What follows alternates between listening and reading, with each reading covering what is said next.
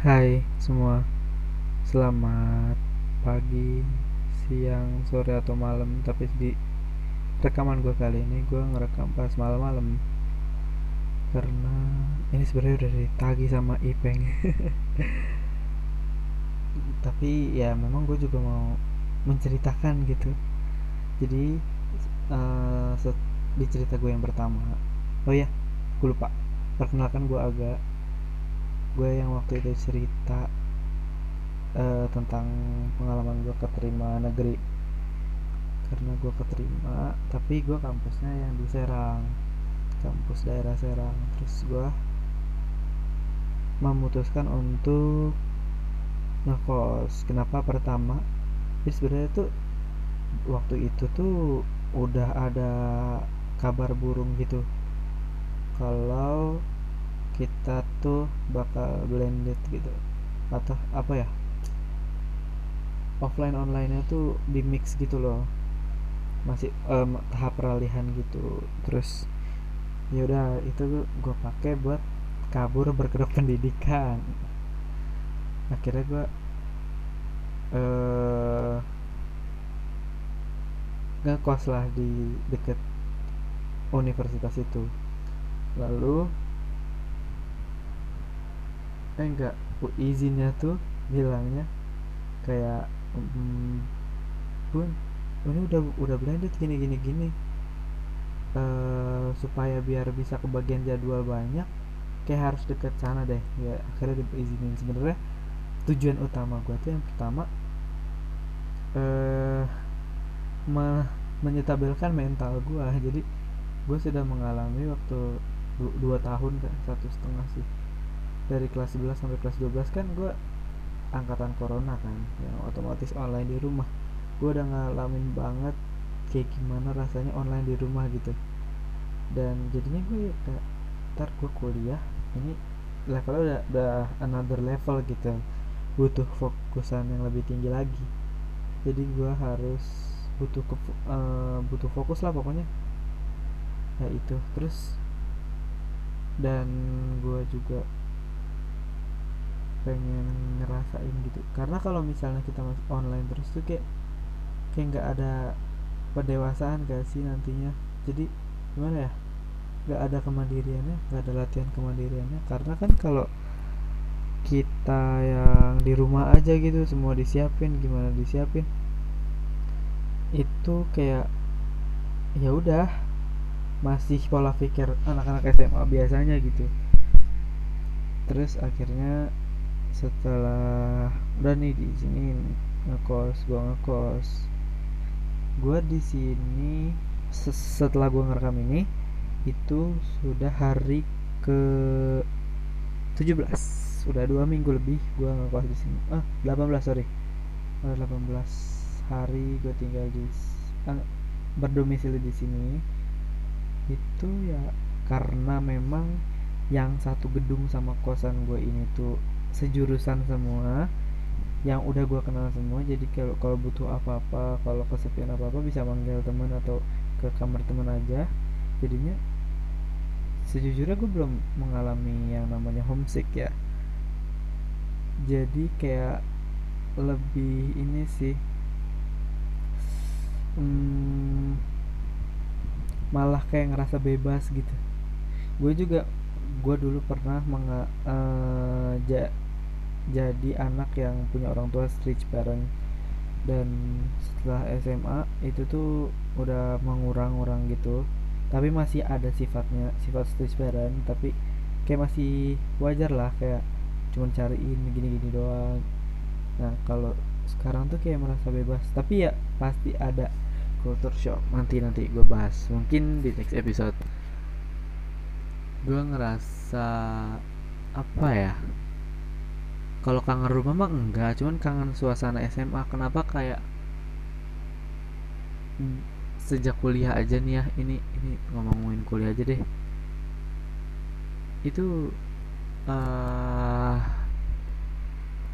pola pikirnya benar-benar kayak berubah sejak ospek pun sudah di mungkin ospeknya itu dibuat sama panitia atau yang ngerancangnya lah ya buat ngubah pola pikirnya. Karena memang bener-bener kerasa kayak uh, jadi nggak nunda-nunda gitu loh. Memang gue juga orangnya yang deadline. Itu tidak disalahkan juga. Salah sih. Cuman uh, banyak orang menormalisasikan itu.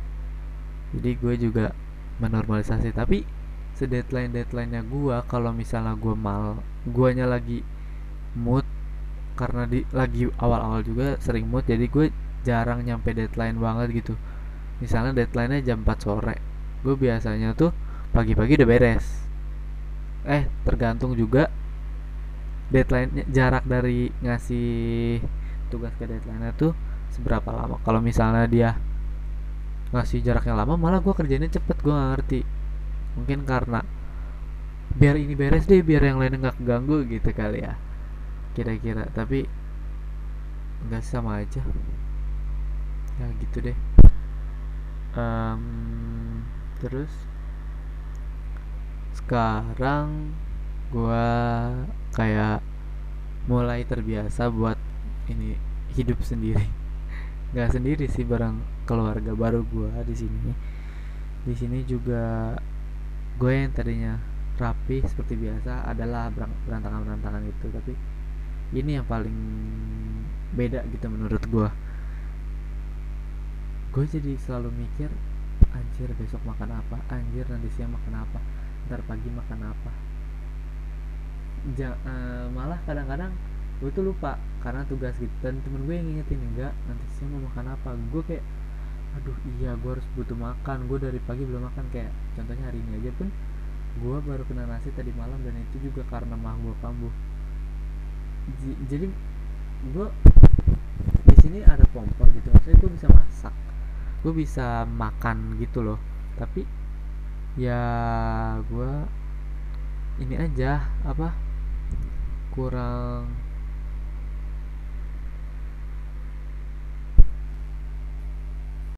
cuma gue kurang mampu buat ngatur waktu buat masak gitu. Beli pun gue jarang gitu apalagi sekarang nih tanggal-tanggal tua. Jadi gue salah oh iya salah satu trik kalau ngekos gak tau tapi di gue berhasil ya. Lu nyetok mie misalnya dikasih pasokan sama orang tua mie. Di luar duit jadi di luar duit bulanan nih. Nah itu lu taruh paling bawah laci paling bawah tertutup. Dan kalau bisa lu nggak usah makan mie. Kayak tanggal 20-an ke atas lu baru makan mie. Kayak yang lainnya tuh ya udah gimana gimana nanti aja. Itu tuh menurut gua malah duit gua tuh nyisa banyak enggak banyak banget tapi lumayan buat bulan-bulan berikutnya atau buat tabungan gua gitu. Terus ya itu itu hal itu tuh yang tadi ngomongin makan itu hal yang paling berubah banget dalam hidup gue karena kalau kayak nyuci piring nyuci baju di rumah gue udah sering jadi kayak nggak terlalu ini. Masak pun gue udah sering tapi di, di rumah tuh bahan-bahannya lengkap. Kayak di sini tuh gue harus nyari sendiri anjir gue nggak tahu. Apalagi gue cowok gue biasanya masak eh masak bahan yang ada gue pakai aja. Kalau di sini tuh kayak gue harus mikirin duitnya juga aduh gimana? Cukup nggak ya? Gitu. Dan misalnya kadang-kadang kan gue juga nugget lah misalnya kalau misalnya nggak ada ini nugget gue gak, punya kulkas di sini. Nggak ada kulkas bersama juga jadi kayak aduh apa ya bener-bener mikir keras deh. Tapi justru di situ tantangannya kayak gue ngerasa tertantang banget dah ngekos tuh. Sama apa ya udah sih paling gue cuma mau cerita itu daripada kelamaan kalian juga boring takutnya. Gue cuma mau berbagi pengalaman gue ngekos. Oh iya gue punya satu cerita lagi Yeay, baru mau closing.